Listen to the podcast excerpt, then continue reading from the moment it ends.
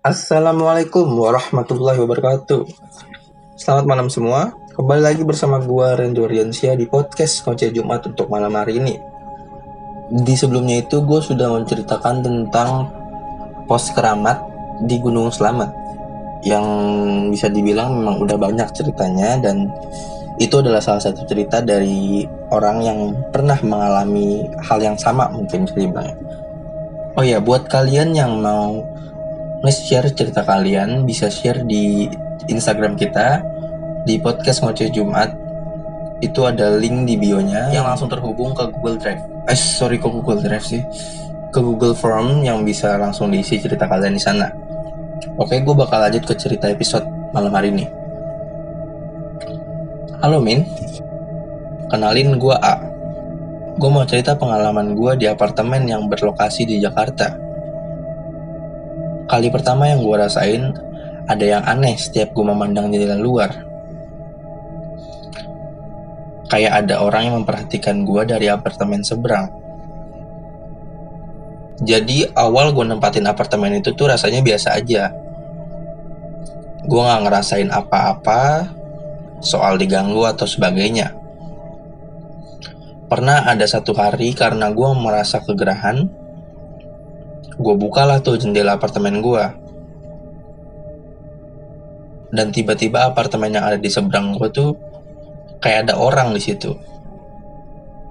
Padahal apartemen seberang gue tuh nggak ada orang sama sekali.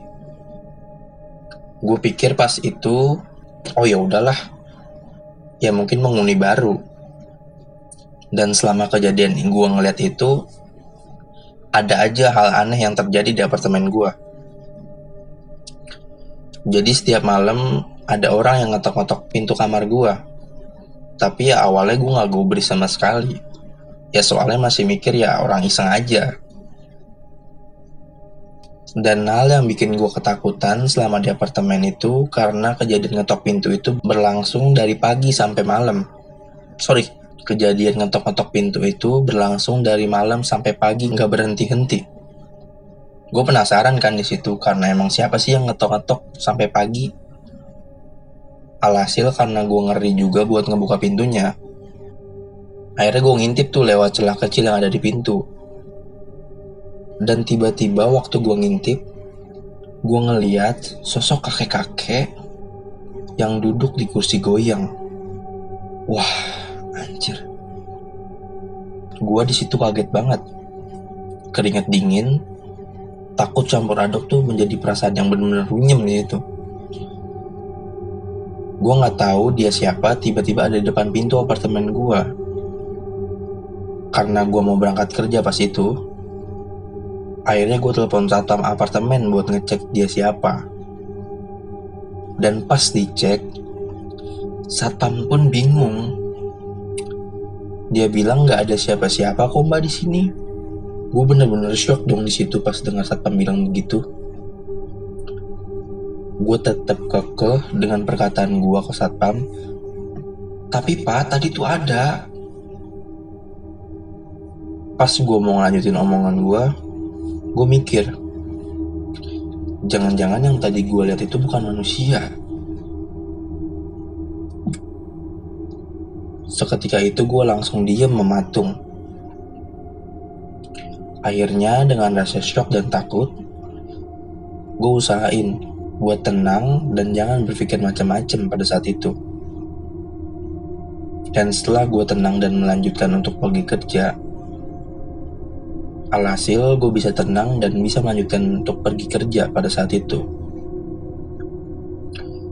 Jujur gue kurang paham sih tentang kejadian yang gue alamin itu yang gue pikirin pada saat itu, apa jangan-jangan dulu apartemen ini bukan tanah?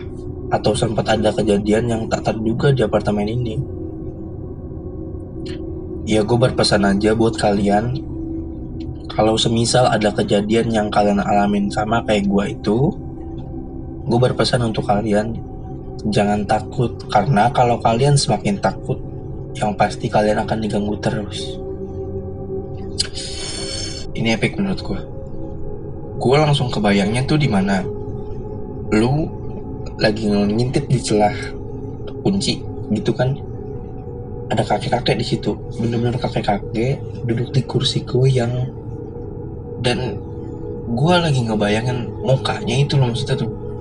Entah dia lagi duduk di kursi goyang sambil mantengin lubang kunci lu kan? Itu horor banget men. Asli.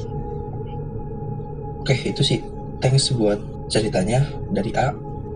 Oke oke oke gue lanjut ke cerita kedua ya. Hai Min. Nama gue I. Gue punya pengalaman dari salah satu teman gue yang orang-orang bilang itu punya keunikan. Dia itu temen gue waktu SMP sampai sekarang. Jadi gini ceritanya. Dia itu adalah salah satu temen gue di bangku SMP. Pertama kali gue tahu dia bisa ngeliat begituan waktu dia lagi ada pelajaran matematika. Di situ posisinya tuh lagi fokus banget dengerin. Guru itu lagi nerangin mata pelajaran. Dan pas gue udah mulai ngantuk, gue liatlah dia tuh. Gue liat dia lagi ngobrol sama orang Cuma yang bikin gue bingung dia ngobrol sama siapa pada saat itu. Karena gue anaknya kepo, akhirnya gue nanya ke teman-teman kelas. Kenapa teman bangku gue ini suka ngobrol sendiri gitu? Dan anak-anak kelas itu bilang, kalau dia itu anak yang bisa ngeliat makhluk halus. Pernah ada satu kejadian di mana dia berulah lagi ini sih bikin gue merinding banget pada saat itu. Waktu itu gue lagi ngeliat dia ngobrol sama seseorang. Karena gue takut dan kepo, akhirnya gue tanyalah ke dia. Lagi ngobrol sama siapa? Dia bilang gini, anak kecil cewek. Waktu gue denger dia ngomong gitu, gue bener-bener merinding di situ dan gak mau kepo-kepo lagi sama hal-hal begituan ke dia.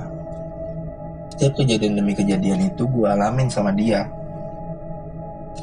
Mulai dari bengong, ngobrol sendiri sampai kesurupan. Dan dia pernah pingsan gara-gara sakit jantung dan dibawa ke UKS di situ. Dan waktu dia sadar, tiba-tiba dia bengong dan matanya itu melotot. Di situ gue bilang ke dia, istighfar hei istighfar dan respon dia itu bikin gue kaget banget. Karena dia bilang apaan sih? Buat apa istighfar? Di situ gue udah ngerasa ada yang gak beres sama dia. Eh bener aja. Gak lama dia kesurupan saat itu.